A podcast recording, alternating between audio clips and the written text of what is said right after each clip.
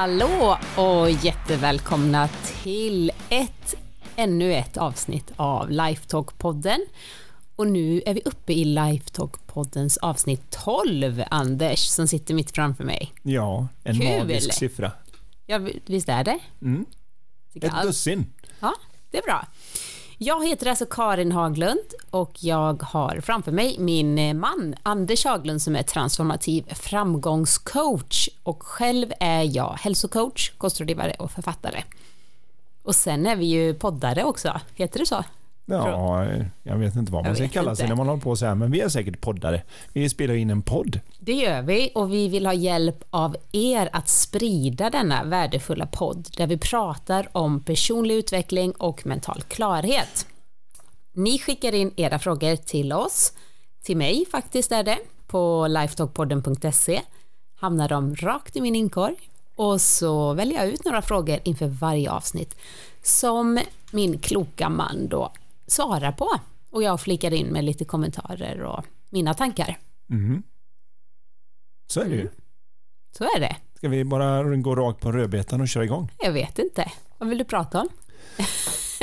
Jag vill ju ha de där Lätta hemliga frågorna så som är, men du Jaha, kanske har några okej. egna frågor som du vill ställa? Ja, det har jag ju säkert. Jag har många frågor. Ja. Vi hinner inte prata så där jättemycket med varandra tycker jag. Det är säkert kanske fler som känner igen det när man har barn och eh, tre barn och företag och lite så att man tänker Mm. att eh, det här ska jag säga till Anders och sen, jag vet inte. Nu är det ju fint tanken att vi ska sitta och spela in och prata om våra personliga grejer här, men det var ju trevligt att se dig. Hej Anders! Hej. Ja, jag har ju varit på vift lite här idag. Vi Ja. skulle spelat in tidigare.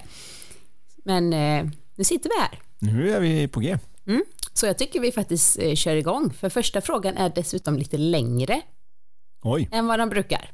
Så eh, ja, vi kör. Hej, jag har lyssnat på alla era avsnitt. Tack för en fantastisk podd. Jag tycker det är obehagligt med negativ prat bakom ryggen. Jag har en hel del i min närhet som jag upplever pratar mycket bakom min rygg och det har också en person sagt till mig. Och så inom parenteser eh, står det så här, vad ska jag göra av den informationen? Frågetecken. Jag kan bara säga, mm, tack, men vet du, jag vill inte veta. Jag märker att jag blir påverkad av personer som pratar nedsättande bakom min rygg. Det dränerar min energi, även om jag vet att jag inte ska bry mig om det. När jag är stark kan jag ruska av med det och snarare på riktigt skicka kärlek till de som pratar illa om mig. Men när jag är sårbar så känner jag att det påverkar mycket. Jag känner mig osäker. Jag har jobbat mycket med mig själv och borde ha verktygen till detta, men jag skulle vilja höra vad ni tycker. Jag är extremt positiv i min grundsyn, tacksam och lycklig och jag tror att det kan provocera, vilket verkligen inte är min avsikt. Tack för allt ni bidrar med. Mm. Det var en lång fråga. Det var en lång fråga men en viktig fråga och eh, jag tror många kan känna igen sig. Ja, eh, Tråkigt nog. tråkigt nog så är det ju så. Vi, vi vill ju alltid ha lite grupper och falanger, det ligger ju i den mänskliga själen. Och det värsta som finns för oss, om man nu tittar tillbaka i tiden, är ju att bli avskild från gruppen. Nu är det inte riktigt lika farligt kanske, men en gång i tiden när det var ute på savannen, om man inte var med gruppen, så var man ju liksom körd. Vi springer långsamt, har inga klor och tänder och sånt. Och det sitter ju kvar. Så fort går inte förändringen. Så att känslan av att bli avvisad eller känslan att tillhöra gruppen är nästan fortfarande i nervsystemet förenad med döden. Mm. Så det ogillar vi ju naturligtvis. Och rent allmänt, det är svårt att kontrollera vad någon annan gör. I det här fallet så handlar det om att det finns andra som pratar bakom ryggen. Och vi har ju haft, jag vet jag gjorde en övning om det när vi var eh, på ledarskapsutbildning i Dubai där vi pratade om att se om man kunde skvallra positivt bakom Just ryggen. det. Så att man fick öva just på det här att se hur mycket bra saker kan man säga bakom ryggen på folk. För det har ju en massa positiva effekter såklart. Det första är ju att man själv vet när alla pratar positivt om de icke närvarande att när jag inte är med i gruppen så är det förmodligen samma sak som sker om mig. Medan om det pratas negativt när man är närvarande, även om man själv inte är utsatt för det, så får det ändå en negativ effekt eftersom man får en liten orokänsla för vad händer när jag inte är här då? Eftersom det alltid är den som inte är med som någon snackar om. Mm. Så det enda man kan göra när man sitter i det själv det är ju att man håller en positiv syn. Den här personen säger det, jag har en positiv livssyn som kan verka provocerande så det kanske låter som ett dåligt råd att fortsätta med det då. Men det enda man själv kan göra är att prata positivt om andra. Man kan inte styra vad de andra gör. Man kan bidra med värde och så vidare. Och sen kan man naturligtvis när något dyker upp som på riktigt påverkar, då kan man vara tvungen att ta upp det med den personen. Och allra helst gör man det på ett vettigt sätt då, att man tar den personen åt sidan. Mm. Man utsätts inte för att, så att säga, eh, provocera gruppen, utan har man hört någonting som inte verkar vettigt, så jag bara, bara hörde det här och jag vet inte om det stämmer, men jag, jag, skulle gärna vilja reda ut det om det är så. Så kanske, nej men så sa vi inte alls, eller jag vet inte vad som kommer fram i det, men det är ju trots allt så här att varje gång jag får för mig att jag ska hitta på något annat än att säga som det är så är jag lost i mina tankar. Och Det här är inga lätta situationer för att ehm, jag vet jag var på ett företag och de var så stolta för de hade gjort en stor undersökning av om det fanns någon form av mobbing på arbetsplatsen. Och av 112 medarbetare var bara två som tyckte att det fanns. Och det tyckte de var bra. Och jag sa att är inte det själva definitionen på att det är två som känner sig mobbade?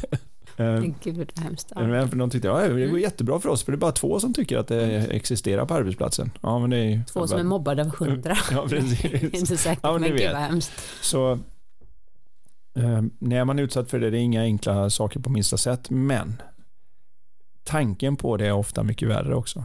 För vad som mm. händer här är ju att om det verkligen är bakom ryggen så vet man ju inte om det vad det ja, och så är. vet man faktiskt inte vad det är. Vad det så handlar det om. Ju... Och då gör hjärnan så att den allt som oftast fyller i våran okunskap med tro.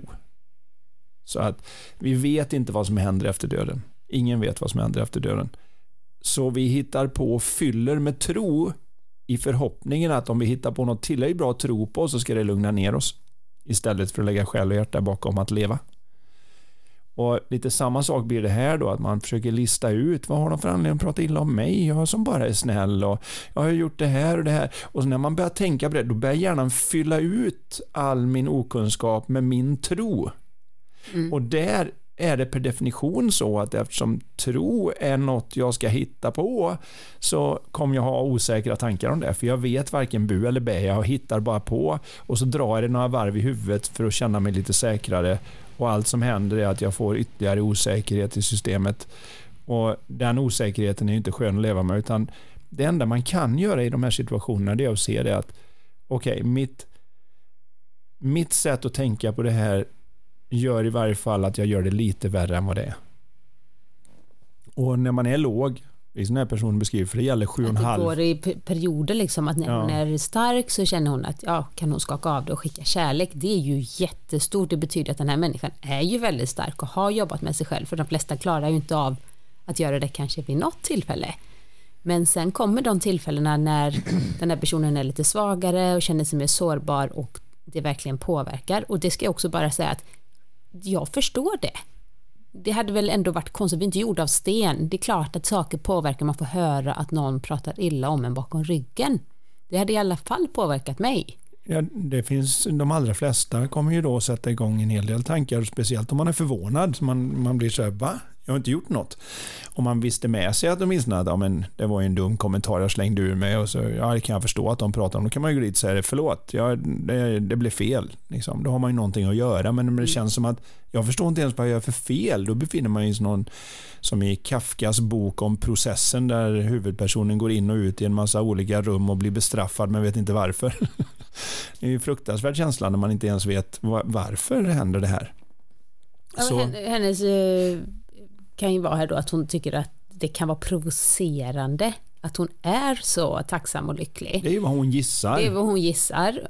Och sen kan det bara vara ett missförstånd. Ja. Också, det behöver ju inte ens vara, men det är ju väldigt, jag tycker det är väldigt sorgligt om det är det, att eh, den här personen mår, mår, väldigt bra och det kan reta människor. Det, det här tycker jag, det, det, är något som retar mig Anders. det retar Nej, men, mig. Jag vet att vi diskuterade i början när vi träffades, någonting om så här eh, inte fienden utan alltså att människor kan eh, ogilla, vad var det du sa, du sa att ju mer framgångsrik du blir desto fler fienden kommer du att ha per automatik. Jag kanske Eller- mera pratade inte så mycket om fiender, men fiender. att folk kommer försöka riva ner. Just det. För det är mycket lättare att riva saker än det att bygga dem. Alltså det tar ju ett år att bygga en lite större byggnad, men du kan ju riva det på en vecka. Och ganska många satsar på det när de känner att de är låga själva. Att det finns ju två sätt att ha det högsta huset i stan. Det ena är att man fortsätter bygga på sitt eget tills det blir ett stort och ståtligt hus. Och det andra är att man river alla andra så är man högst. Och ganska många, speciellt när de är lite låga, satsar på alternativ två och det är att riva den andra. Och, så det är därför man ofta säger det om kändisar och annat att ja, så bra är det nog inte. Och, man, är nästan, man ser hur en del är nästan lite nöjda när de faller. Titta hon har celluliter där på den här bilden. Ja, precis. Och så- Eller vad det nu ja. handlar om så, så kan det vara det. Men det viktiga är att se att det här gäller 7,5 miljard människor. Mm. Det här är inte ett personligt problem. För man kan känna sig ganska ensam i det där, men 7,5 miljard människor, samtliga som hamnar i lite osäkert tänkande, börjar fundera på vad andra tycker om en och sånt, faller rakt in i en ganska taskig känsla där eh, ingenting egentligen i livet har kvar någon smak. Så det första steget är att se att jag måste obetingat av om det är sant eller ej att de pratar skit bakom ryggen på mig så kan jag inte göra annat än att hålla mig till det jag anser är rätt och komma in med den typ av energi som jag vill komma in med. Mm. Och jag måste vara snäll mot mig själv de gånger jag är låg. För när man är låg då kan minsta småsak vara jobbig. Det, det, har, det har med sinnestillståndet som ligger där i bakgrunden att göra mer än vad som händer. Så ibland så kan vi råka ut för något stort. Så jag har ju dratt det här angående i ett förhållande att när två personer har en skön känsla tillsammans så finns det inget problem som är så stort att det inte kan föra de här personerna närmare varandra. Du och jag mot världen älskling när en eller båda personerna tappar sitt stillestånd och blir låga, då finns det inget problem som är så litet att det inte kan leda till skilsmässotankar. Liksom. Så, för då kan en strumpa på golvet liksom vara bara droppen, eller vad det nu än är. Och det vi då tror är att vi sätter igång och gissar vad som skulle lösa känslan. Så vi bär när, när människor är låga så gör de upp fantasier om vad de tror skulle lösa det och så blir det ett mål. Om jag bodde bättre, då skulle vi. Om eh, vi hade ett bättre badrum, då skulle det. Om bara min partner var mer omtänksam och såg mig, då skulle jag. Och så hittar vi på vad det skulle vara. Talar inte om det för någon och så gör vi den där Kafka-processen att när partner inte uppfyller det vi hoppas på så straffar vi dem, men de borde förstå. För jag kan inte säga det, för om man måste säga det, då är det inte på riktigt. Det ska de veta ändå. Och så blir det ett omöjligt spel att spela. Det blir som att komma hem till en annan familj och spela Monopol. Liksom. De har andra idéer om om man får pengar efter att man går förbi gå, om man får slå om när man har sexa, om man verkligen får komma ut ur fängelset. Och det, det kan bli jättebråk om smågrejer eh, just därför att vi drar inte upp och säger det här är vad som gäller. Spelar ni så här, gör ni så här, här är reglerna. Och väldigt många förhållanden så kommer man från två helt olika familjer och det, vi ska spela ett mycket mer komplext spel än Monopol. Mm. Och man har ingen aning om alla regler som står i baksidan på lådan i huvudet hos en. Precis, oskrivna regler. Massa oskrivna grejer. om. En vettig människa höjer inte rösten om det här händer. Eller en vettig människa gör så här som jag ser det, men jag tänker inte säga något. Och det här och det kan vara lite klurigt för det är då många som har den idén att om jag behöver be om saker eller om jag behöver säga vad jag vill i ett förhållande då är det inte riktig kärlek. För då, är, då har jag behövt säga något och är det på riktigt då ska de bara veta. Och så går man där i sin tystnad på två håll och saknar saker istället för att komma på att vänta nu tills jag är i balans och så gå och ta upp vad det är jag vill ha. För det är inte säkert att jag vill ha det längre när jag väl är i balans. Det kan vara något som jag bara hittar på när jag är låg Mm. som var min bästa chansning på vad som ska få mig att må bra igen. Och i det här fallet då så när man hittar på om det här för oavsett vad det är som pågår. Hon har ju fått eh, från någon som har sagt det. Men det är ju hörsägen. Tänk om det är som så att den som sa det hittade på. Hittade på det. Du ska bara veta det. Att folk pratar skit om dig. Ja, för den Eh, personen var så då låg, att de, eller avundsjuk låg. låg. Så de bara sa Så- det, att du ska inte tro att du är något, för folk pratar faktiskt skit om dig när du inte är där. Och så är det inte sant och så ska Nej. hon gå hela livet och tro att folk gör det. Man vet inte. Det är därför jag säger det att om du tror att det finns något bättre än att bara säga som det är så är du, är du lost i dina tankar. Så det bästa är att eh, ta upp det med en person i taget eller lägga upp det på bordet. Ta upp elefanten i rummet. Det känns ju som att Nej, men jag går inte, tänk vad hemskt om det alltihopa är sant och det kommer ut något mycket värre än vad jag trodde. Ja men... ja, men om detta är ett problem så tycker jag precis som du där att då ta det med den personen i enrum som du sa. Eh, och, och så tänker jag att det är ju ändå väldigt bra att hon vet att hon inte gjort någonting. Hon är faktiskt lycklig och eh, Ja, det positiv. kan också... Och vadå, inte min avsikt att provocera, nej men självklart, du ska bara fortsätta skina och vara lycklig och de som blir provocerade av det, det är inte ditt problem, det är verkligen deras problem och det är synd om dem.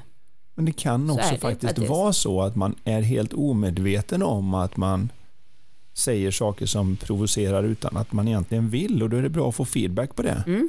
Man kanske inte ens vet att man bullrar in. Man, I ens egen familjens eget monopolregler så är det man gör fullkomligt vettigt men där man nu har hamnat så är det lite störande för någon. Man har ingen aning om vad det kan vara, eller hur? Man, kan man ta Och upp det på tror bordet? du ens att den personen som pratar skit ens vet vad det är de reagerar på? Oftast inte va? Då Nej, hade de kanske, utan de blir lite utåtagerade. min upplevelse är fortfarande att skam, skuld, osäkerhet överlever inte dagsljus. Alltså med Nej. andra ord, när det kommer ut från mörkret mellan öronen och ut i verkligheten så brukar det inte vara lika farligt som det verkade. Och även om det skulle vara det så är det hanterbart utanför men det är det inte i huvudet för det slåss man mot sin egen fantasi. Och förhoppningsvis så lär ju sig de här äh, människorna hon pratar med en väldigt äh, viktig läxa. Mm. För då kan hon berätta att hon blir sårad. Att hon tar illa vid sig. Fastän hon känner sig stark och positiv så påverkar det henne. Och det tror jag får dem att eh, förhoppningsvis inte göra det igen. Inte Ja. om någon annan, inte bara att Man vet inte men skit. det känns ändå skönt att få sin känsla validerad på något vis. Vi tror på dig, prata, ut med dem. Mm. Ja. Ja, vad ska vi säga? Ja, men det, det är mera just, man får ta upp det ja. på något vis. Och man ska komma ihåg också, det här kan vara helt oskyldiga missförstånd som har växt. Och det kanske inte ens är något negativt. Nej, men det kan bli det ändå. Jag, jag, jag har ett exempel som jag har dratt någon gång om till exempel två personer kommer in i ett förhållande och så sitter de och diskuterar vad är viktigt för oss? För det vore bra om vi har ungefär samma värderingar. Och så säger båda två, nummer ett för att ett förhållande ska fungera, det är respekt. Ja, det tycker jag också. Om man bara har respekt så löser sig allting. Och de här stackarna har ett fruktansvärt förhållande när de väl kommer igång därför att det visar sig att i hans familj så är respekt är underreglerna i familjen att har man en meningsskiljaktighet som alltid kommer hända då söker man upp den andra personen och så pratar man om det. När man pratar om det så är det helt okej att vara passionerad, livlig, höja rösten. Så länge du är ärlig, autentisk och säger vad du verkligen tycker så kan man fortfarande behålla respekten för dig. Liksom. Och det enda man kan göra i hans familj för att tappa respekten när man väl är i den här diskussionen, det är att lämna diskussionen. Så man bara går ut ur rummet. Liksom. Att man bara, jag orkar inte prata med dig, du håller på och skriker, hej då. Då är det verkligen det, är det värsta jag varit med om. Du stannar här och vi reder ut det. Det är respekt. Liksom. Och i hennes familj så är det samma sak på ett sätt. Att det är att jag, eh, har vi någonting som vi har meningsskiljaktighet om, ja då söker man upp den andra personen och så pratar man om det autentiskt och riktigt. Men om man höjer rösten, då har man tappat det. Då går det inte att ha respekt för den människan längre. De, då är de inte rationella överhuvudtaget. Och det enda sättet att behålla sin självrespekt om det händer, det är att lämna rummet. De två människorna i sitt förhållande kommer ju jaga varandra skrikande genom huset dagligen. Och tycka att de själva har respekt men inte den andra. Den har inte och, respekt. och tvärtom. Ja. Ja, förstår du? Så de har kommit överens om att respekt är viktigt men de har ingen aning om vad de har för underliggande tanke, Vad betyder virus, det regler för- om att det här är vad som gäller när man ska visa respekt. Mm. Så de kommer in, börjar prata, han blir animerad och vill liksom förklara vad han tycker. Hon tycker att han är totalt irrationell och det enda sättet att ens kunna, det går inte ens att prata med människan så nu måste jag gå ut ur rummet och han tycker det värsta man kan göra är att lämna rummet så springer skrikande efter och säger gå inte din väg. Och, och det där upprepas varenda gång de har en meningsskiljaktighet fast de trodde att de var så lika. Och Det här kan även hända på arbetsplatser och annat och det är därför jag säger när det väl kommer till kritan för att få det här löst så är det bara att se. Vi är bara rädda för den känsla vi eventuellt skulle få om den andra parten säger eller gör någonting så vi tänker va? Och så mår vi dåligt. Vi är rädda för att vi ska må dåligt. Det är därför vi inte ger feedback när vi, feed, när vi inte ger feedback och så vidare. Så om man kan se att allt jag känner kommer från mina tankar så jag kan skära av, då kan jag ganska lugnt och nyfiket gå och säga jag hörde det här eller jag trodde det var så här. Är det något jag missar här? Och så kanske de säger ja, men du, du, du, du tar aldrig hela disken, du bara diskar ditt glas. Eller eh, när vi har de här projekten så, så verkar du inte vilja vara med i teamet eller vad det nu än är. Så, mm. Och man bara, vad det har vi visst det. Jaha, och så, visar, och så har man olika det. syn på vad det innebär att vara med i teamet eller olika syn på att man tar hand om sitt eget glas eller man tar tre andra när man ändå är igång. Alltså det är så, det är så olika på på det här. Det här, det här och jag vågar slå vad om att det antingen finns ett väldigt oskyldigt missförstånd där så att man nästan skrattar åt hur det har kunnat mm. bli så stort. Mm. Eller att det faktiskt finns ett verkligt problem där om man säger så. Mm. Och att det då går att reda ut om båda parter är någorlunda ur sina osäkra tankar medan man pratar så att det inte blir en attack att ja men du då, ja men jag då, jag har inte sagt något, du har inte, nej, nej, nej. Och då, för då går ju alla in i försvar, det spelar ingen roll, 7,5 miljard människor går in i försvar då och då blir det ingen diskussion utan det måste ske med nyfikenhet och förståelsen för att hur konstigt en annan människa än beter sig så kan en vettig människa komma sig för det. Om man, om man, om man, om man tänker det de tänker så kan det se vettigt ut att göra vad de gör. Så att man inte utmanar och tycker du är inte ens vettig nu, jag fattar inte hur du tänker. För så fort man gör det så går den andra människan in, kollar sina tankar och upptäcker nej, jag är fullkomligt vettig nu. Det är du som är ute och cyklar. Och då blir det mm. jättebråk. Istället för att vara nyfiken på, tala om för mig hur du funderar på det här. Tala om för mig hur det här funkar. Så paret nu då sitter jag och tänker på, vad ska de göra? Alltså den här, eh, det paret. Här fant i fantasin, eh, som har eh, olika syn på respekt. Mm. Om de märker det då, eller hur märker man det? Ja, det, det, märk, det märker man ju på att det blir. Det Varför respekterar du inte mig? Ja, men jag respekterar dig. Va? Det, va? Och sen så kanske de kan börja i ett lugnt tillstånd då. Båda två är ju bra. För det är lätt att det blir pajkastning om vem som har den bästa idén om respekt då. Precis. För man tror ju, här är ju det stora problemet för de allra flesta människor och det är ju det att alla går omkring och tror att de är i centrum i universum. För det är så det ser ut inifrån vårt eget sinne. När jag tittar ut från mina ögon så ser jag ut som att jag sitter här i mitten och så befinner sig allt runt mig. Det är ju upplevelsen.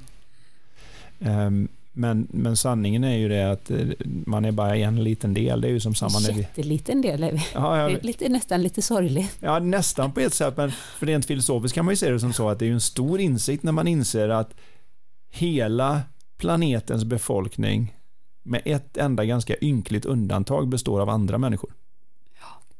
Så vi tror att vi, är, att vi har facit istället för att vara nyfikna och se om vi kan utveckla det så att man får reda på något av någon annan som man tänker wow, mm. så kan man tänka. Ja, är det bättre eller mer användbart än mitt? Ja, då tar jag mig an det. För det och vad det innebär att ha ett riktigt öppet sinne, det är, det är inte att jag går in och lyssnar på den andra sidan, det är inte att jag går in och hör på den andra sidan, det är att jag går in i en diskussion och är villig att få min egen åsikt ändrad under diskussionen. Eller kanske lyssna på den här podden med ett öppet sinne. Ja, såklart. Men, men det är just att man går in med idén att inte att få mina egna idéer förstärkta så jag kan sitta och nicka och säga det håller jag med om, så är det. Om bara mm. alla fattar det då skulle världen vara ett bättre ställe. Det är ju det alla bråkar om för alla tycker ju det. Muslimer tycker om alla bara var muslimer var... så skulle vi ha fred på jorden. Om alla bara var kristna skulle vi ha fred på jorden. Om alla bara var eh, vänstersocialister skulle vi ha fred på jorden. Om alla bara var höger så skulle vi ha fred på jorden. Om alla bara var som jag. Eh, så har vi fått, men det är ju själva så hade vi haft sju miljarder. Ja, det, Anders. Ja, precis. Vi vill ju ha den här diversifieringen och se det att det är tack vare den här mångfalden vi kan lösa problem som vi inte kan lösa annars. Och då måste man börja bli nyfiken i sin människosyn på att mm. det här är en vettig människa. Hur kom du fram till det jag tycker verkar ovettigt, om vi säger så. Hur kom du fram till det? Låt mig höra, för om jag kan höra det, då attackerar jag inte idén, utan jag är nyfiken på var kommer du ifrån? Mm. Och Det är viktigt när vi ska in i den här typen av saker för att det måste ut i ljuset annars så ligger det där inne och möglar och blir värre och värre. Ehm, så att, ja. Jag kände att jag distraherade dig när jag...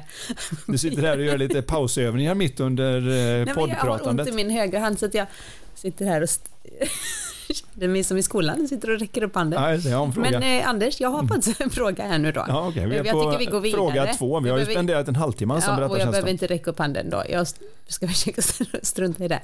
Eh, Okej, okay. vi tar en ny fråga. Hej, jag är en tjej på 30 år som längtar efter en kille att dela mitt liv med. Jag undrar dock om jag ställer för höga krav. Vill så gärna träffa någon, men när jag dejtar killar är allt jag kan tänka på att de inte når upp till mina krav och då blir det ingen mer dejt. Hittar alltid något som det är fel på. Hur ska jag kunna vända mitt tänkande så att jag blir mer öppen? Mm. Det här är ju extremt vanligt tror jag. Och det hör samman med det vi pratade om innan, att när vi är låga så gör vi upp en behovs och kravlista som vi tror ska lösa det, oavsett om det är om jag har tillräckligt mycket pengar blir jag lycklig. Om jag har en bra partner blir jag lycklig. Och sen så går vi in då och gör de där underreglerna där under. Vad är mm. en bra partner som ska göra mig lycklig? Vad, hur, hur mycket pengar göra mig lycklig? Vad är det som ska hända? Så vi Eller förstår... när vi försöker. Hon försöker ju verkligen träffa någon. Ja. Vi går in liksom yes, yes, yes, nu ska vi försöka ännu hårdare. Jag vill träffa någon. Jag ska skicka in en fråga här nu till Lifetop-porten. Jag ska, ska få träffa någon. Eh, och det kan ju göra då att man begränsar eh, sig, eller ganska eh, säkert att man gör det. Ju mer du, liksom... får, eh, du får för mycket emellan. Du får för många tankar med. Det innebär att man går ut lite grann som i den här filmen Terminator. När Eh, Eh, Arnold Schwarzenegger springer omkring och ska leta reda på Sarah Connor för att få framtiden att bli annorlunda och har en hel lista med grejer som är liksom längd, storlek, da, da, da, da, da, och så tittar på alla och så bara nej, inte hon, inte hon, inte hon, inte hon och så när det väl låser fast så är det liksom, då går kill igång. och jag skulle påstå att en del är som Terminators när de går ut på krogen och annat. Då är det liksom det ska vara den här längden, den här storleken på brösten eller det ska vara det här håret och det ska vara de här axlarna och klä sig sådana och de här intressena och nej, nej, nej, det såg bra ut fast så rökte han eller hon. Eh, så bra ut men så dricker de lite för mycket. Ja, det skämtet var inte kul och så gör man hela den här Terminator-bedömningen. Och vad som händer så fort man har så mycket bedömning i huvudet, när man har alltså ett bedömningstänk, mm. är att det spelar ingen roll vad du sitter och bedömer så kommer känslan gå ner. Och det beror på att det här är ingen bedömningssport.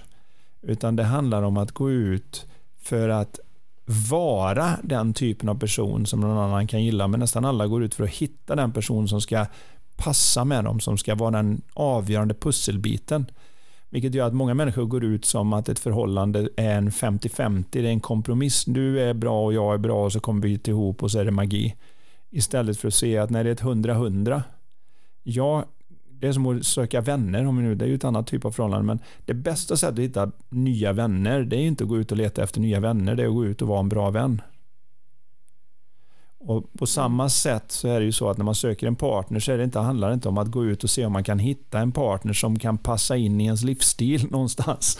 Som, inte, som, som har samma typ av smak i möbler och där, där, där och hitta det. Utan vad det handlar om är att gå ut i det varma nyfikna, öppna sinnestillstånd där andra människor skulle vilja vara med mm. Jag vet människor som är så duktiga på att avpolitera eh, potentiella friare, friarinnor, mm. att de behöver inte ens gå på dejten för att veta att det inte kommer bli bra.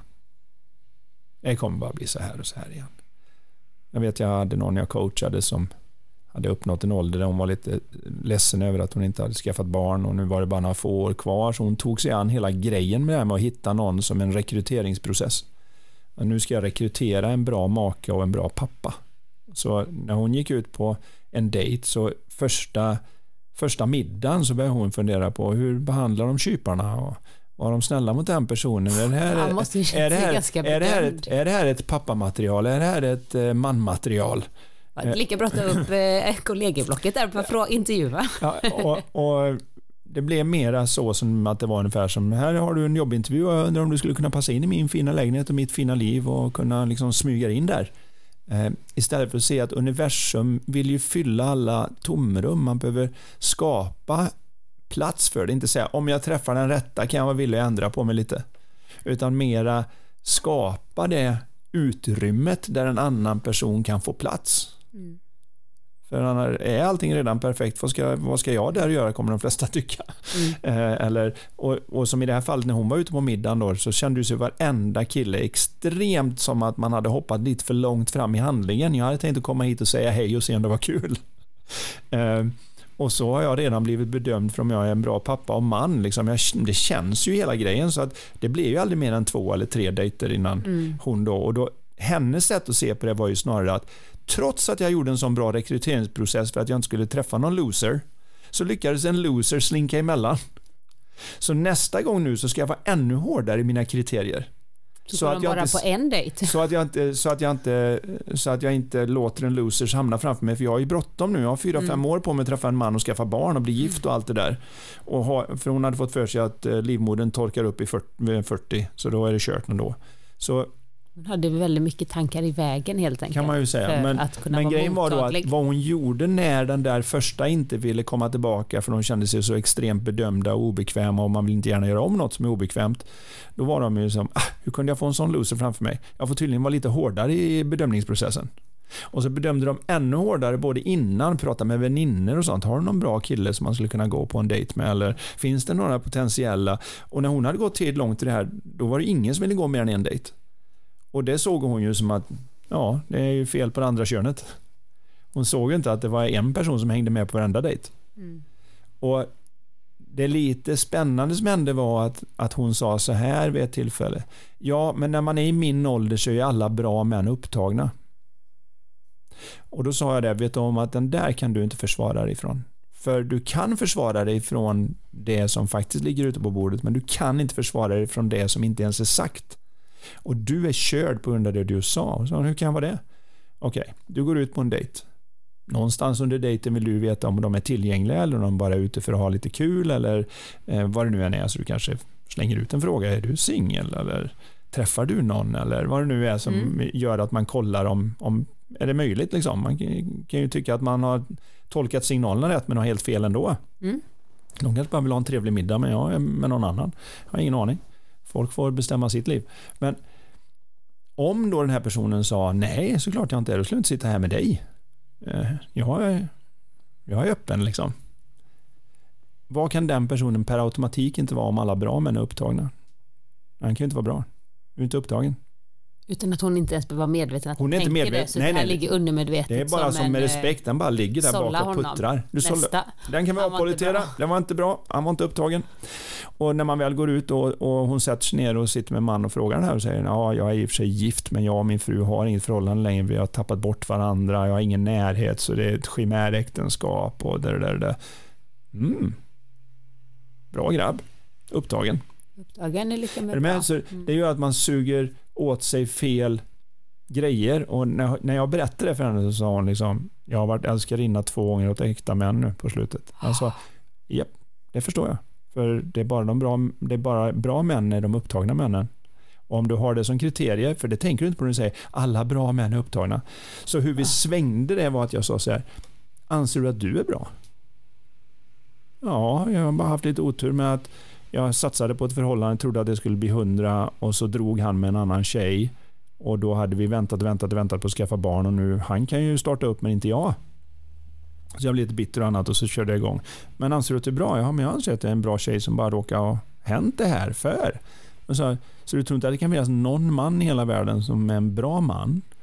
Där det bara blev så att de nu är 35 och inte är upptagen. Eller 40 och inte Det är väl upptagen. inte heller något ovanligt? Nej, det är inte de. Men i hennes inte. huvud var det ett mm. avpoliterande.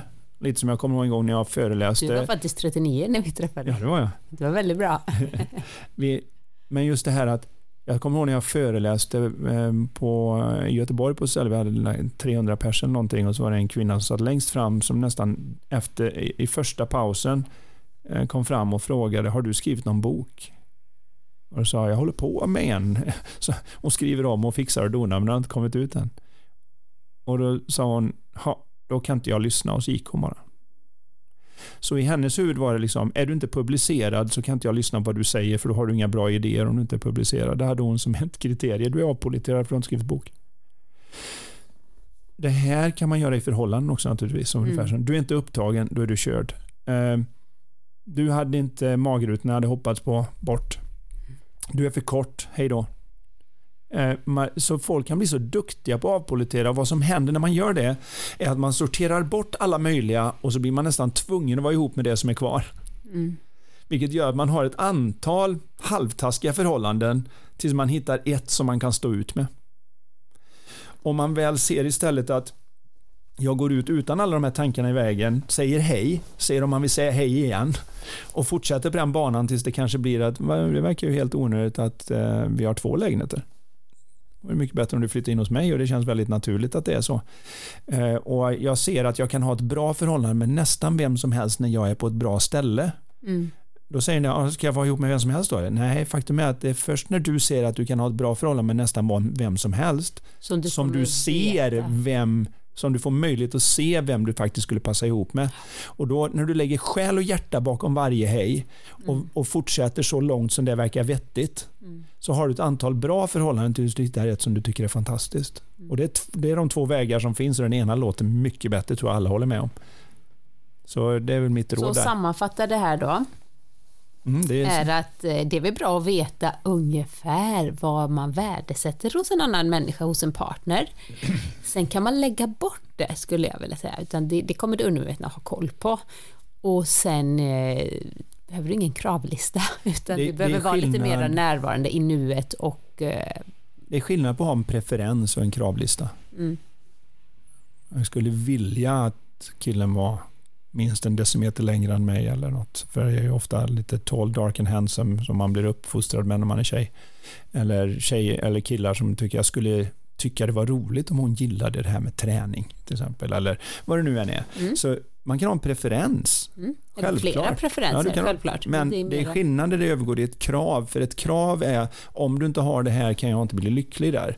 Vilket innebär att du redan har lagt över det på den andra personen och gör dig lycklig istället för att du kommer lycklig in i förhållandet. Det är det som är skillnaden på 50-50 och 100-100. Och jag tänker bara, gud vad hemskt om, om man faller på ett, liksom att men den här killen är ju egentligen jättebra, fast han är blond. Alltså vad, vad fruktansvärt tragiskt, för då, har man ju, då, då mår man ju inte bra i sig själv att man tror att det överhuvudtaget hårfärgen skulle påverka. Sen- nu kanske det var lite väl ytligt, men du förstår Ja. vad jag menar, vad det nu... Sen har vi också gått på ett, ett av de svåraste tankevirusen vill jag påstå. Det är ju att Hollywood är ju duktiga på att sprida tankevirus. Eh, De sprider ju massa idéer och en av de idéer som Hollywood har spridit är att det finns the one där ute. Det finns en person som är din pusselbit, en person som du passar ihop med. Om, om du inte träffar dem av de 7,5 miljarderna som går omkring på planeten, då är det kört. Eller om du råkar träffa dem men släpper taget om dem när du väl fick chansen, då är du också körd. Men det finns liksom bara en som du, istället för att säga att nej, nej, nej, nej, när jag är på ett bra ställe så finns det ganska många där ute som jag kan ha ett alldeles fantastiskt förhållande med. Och det finns inte något Destiny med en, men du kan ha ett fantastiskt liv. Det kan ju kännas Det kan som kännas att som att det här var är menat. Ja, ja, ja. Det är bara du och jag och så. Såklart. Men det tror jag man kan, som du säger, ha hade under andra förutsättningar haft med andra. Ja, är man på ett bra ställe så kan man ha det med många, men det är skillnad. För det tycker jag är finare. Man tycker, ja men då blir det inte speciellt att vi är ihop. Jag tycker det blir extra speciellt för om du till exempel skulle kunna vara ihop med vilken man du vill och så vill du vara med mig. Det tycker jag är extra speciellt. Förstår du? Mm. Eh, Så, men många ser det som att du skulle kunna vara ihop med vem som helst. Det spelar ingen roll att du valde mig. Det känns ju jäkla special. Eh, Men, men, men grejen är det när man ser att man är, är fri där, att man Mm. skulle kunna ha ett bra förhållande med vem som helst, så blir det faktiskt mer special med den du väljer. För Mm. att, vet du vad, jag skulle kunna ha varit med många, men jag vill vara med dig. Men det, det är ju det man säger till vänner och sånt också. Jag vill spela paddel med, jag skulle kunna spela paddel med mängder med människor. Jag bara gå upp på paddel och fråga, är det någon som jag kan spela med? Men jag vill spela med min bästa kompis. Mm. Eh, Så det, det är lite samma sak här. Jag vet inte om det slår an en sträng, men jag hoppas Jag att det tänker här... på någonting som vi pratade om, om det var förra eller för förra gången, när vi pratade om mål. Och just att jag i alla fall har gått från att förut ha väldigt eh, tydliga informativa mål. Mm. Det här, det här. Specifika, smart väldigt goals. specifika, precis. Så är det, till att bli lite mera, det här skulle jag vilja och det här är min vision, men jag litar på att universum har säkert något ännu bättre. och då tänker jag på den här tjejen då som har den här kravlistan. Släpp den där kravlistan. För att om du tror att detta är Mr Perfect. Nej, det kanske är något helt annat som skulle matcha med henne ännu bättre än vad hon in- tror. För hon kan inte tro något. Man kan liksom, man är begräns, då begränsar man ju sitt med sitt ju- troende. Det blir ju som ett eh, internetdating där man då kanske sätter upp en kravspec så att de ska vara mellan 32 och 36. Det känns som det är rätt ålder. Ja, då har du börjat ta bort alla 29, 30 och 31-åringar som skulle kunna ha varit per- perfect och alla som är ovanför åldern som skulle kunna ha varit perfect. För du har nu liksom dratt ner det. Eh, Så att man, ju mer man specificerar, ju mindre öppen är man. Just det. Så att det, det, det handlar om att kunna vara öppen för det, precis som man är när man vet att när man är på ett bra space, när man ska gå ut och parta, om man är på ett bra space då så är det roligt vart man än går. Det är inte liksom bara den här klubben och bara den här DJen och bara om det här händer så hade vi en trevlig kväll. Annars var det kass. Nej, är jag på ett bra ställe så kan det vara lite hipp som happ och det är ändå fantastiskt. Och det är just att kunna se det, att det är så livet funkar också. Och det är så det här mysteriska som kärlek är funkar. Att du kan inte veta, du kan inte gå ut och bestämma det. Men om du är Får öppen gå nog. på känslan under dejten där lite mer. Känns det här? Känns Ja, men också, också kanske inte ta ut det som det låter till giftermål på första dejten. Det är helt okej att dejta och säga hej. Och sen dejta och säga puss. Och dejta och se göra- vart det... och se bara, och någonstans på vägen, för det är många som tror, ja men om jag ska vara så öppen och bara woho, och göra mitt bästa och lägga själ och hjärta bakom. Ja, men någonstans på vägen där så känner du om det är rätt. Mm. Just därför att du gick in 100. När du inte går in 100 så kommer du bara få gissa på om det känns rätt för du har inte underlag att veta. Kommer du börja med plus minus, plus, Plus, minus, minus, plus, minus. Ja. Och det rekommenderar vi inte Man att göra. säga- För då hamnar man alldeles för mycket i huvudet och ingenting i sina känslor i stort sett. Det Nej, blir otroligt tråkigt och logiskt. Så nu går vi vidare. nu går vi vidare igen. Nu, är nu vi Anders, färdiga nu med det kör vi listan här. Nej, men nu går vi vidare på nästa fråga för jag tror bara vi hinner en fråga till. Mm. Eh, Hej och tack för er podd som jag gillar. Hur vet man vilka tankar man så att säga ska fånga i nuet? Och vilka ska man släppa taget om? Det finns ju många kreativa tankar man inte vill gå miste om. Mm. Det här, låter som en person som har lyssnat på dig tidigare och lyssnat på just poddavsnitten och eh, kanske även Ja, föreläsningar. kanske. Det är ju lite det där FOMO som det så populärt heter nu för tiden med fear of missing out. Tänk ifall jag missar någon alldeles fantastisk tanke för att jag tog tag i den här. Och tack vare att jag tog i den så fick jag inte se den andra. När man väl ser att tankeförmåga är obegränsad. Alltså, det var, om du bara rent fysiskt vill titta på det så var det någon som räknade ut att vi har x antal miljarder hjärnceller och runt varje hjärncell så finns det så många synapser, neuroner, glialer och alla de kopplingarna som sker med där en neuron kan vara kopplad till 10 000 synapser och så vidare. Räknar man ut alla de kopplingarna så är det möjligt för varje människa att tänka fler tankar än vad det finns molekyler i det kända universum. Alltså det är en sån det går inte ens förstå hur mycket kopplingar det blir när du tar 10 000 gånger 100 miljarder gånger och så och kör du loss där med alla de komputationer som det innebär så är det i stort sett helt obegränsat. Och då pratar vi bara om den rent fysiska datorkapaciteten så att säga. Sen, då har vi inte ens snuddat vid om det finns någonting i medvetandet utanför om man så att säga kan koppla upp sig till någon form av internet. Vi pratar bara om iPaden ouppkopplad till wifi nu. Så finns det Alltså den obegränsat. mänskliga iPaden. Ja, den mänskliga iPaden. Så, och Så den är ju sådär. Det finns Den är ett sådär. mänskligt internet. Det ingen kanske inte om. ens mänskligt, något annat som mänskligheten kan koppla in sig på. Nu fyller vi vår Nu okunskap med mycket tro. att- Ja, jag vet ja, att du gillar ju när man fyller tro okunskap med tro. Gud vad spännande. det tycker inte jag man behöver. Nej. Men vad jag säger är bara att Det kan vara så. om vi tar det vi vet så är det redan obegränsat så behöver inte ens lägga till det andra. Jag, jag skulle till och med vilja gå så långt som att säga att det spelar ingen roll hur duktig du är på att tro på något fantastiskt så är det, det kommer du ändå inte ens nära det som är. Så varför fylla din okunskap med tro när det räcker med det du kan titta på som faktiskt finns? Så om vi tittar på det bara, att det, är helt obegränsat, det är det jag sitter på. Mm. eh, då blir man mindre orolig för att man ska missa något, för det gör ingenting att du behöver inte slå på varje boll för det kommer mer.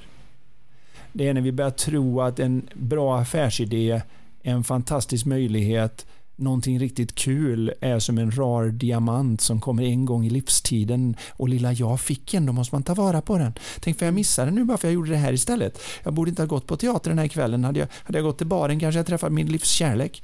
Eh, alltså hela den här den här idén om att tänka på vad som inte är där i nuet handlar om att vi inte ser hur obegränsade vi är. Det är lite grann, om det nu blir en konstig metafor kanske, men girighet vi pratar ekonomisk girighet, mm. snålhet, är en osäkerhet på om jag kan generera värde imorgon. Med andra ord, om jag vet att jag kan tjäna en miljon imorgon hur lätt som helst, så är jag väldigt sällan girig. Men om jag tvivlar på min förmåga, att det här är nog den chans jag har, jag måste ta den här affären, jag måste snå åt mig så mycket pengar jag kan här, för man vet aldrig vad som händer imorgon. Då blir jag girig. Mm. Så girighet kommer av osäkerhet. Och när vi blir lite giriga på våra tankar, om man nu säger så då. Att, mm. och tänk, det här kanske var den jag måste ta tag i den här för jag är inte säker på om jag får en ny imorgon. Där, i den osäkerheten ligger det här. Och hur vet man då vilken man ska hugga? Ja, känslan hjälper en ganska mycket. Och då är det precis som att vara frisk.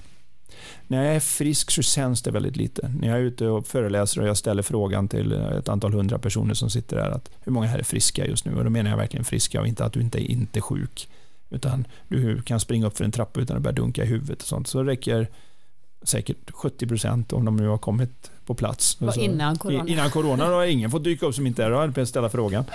Eh, men, och de räcker upp handen med ganska neutralt ansiktsuttryck. Och så ställer jag nästa fråga, vilket är hur känns det att vara frisk? Och då ler allihop. Så att vara frisk känns väldigt lite innan du plötsligt kommer på hur fantastiskt det är. Mm.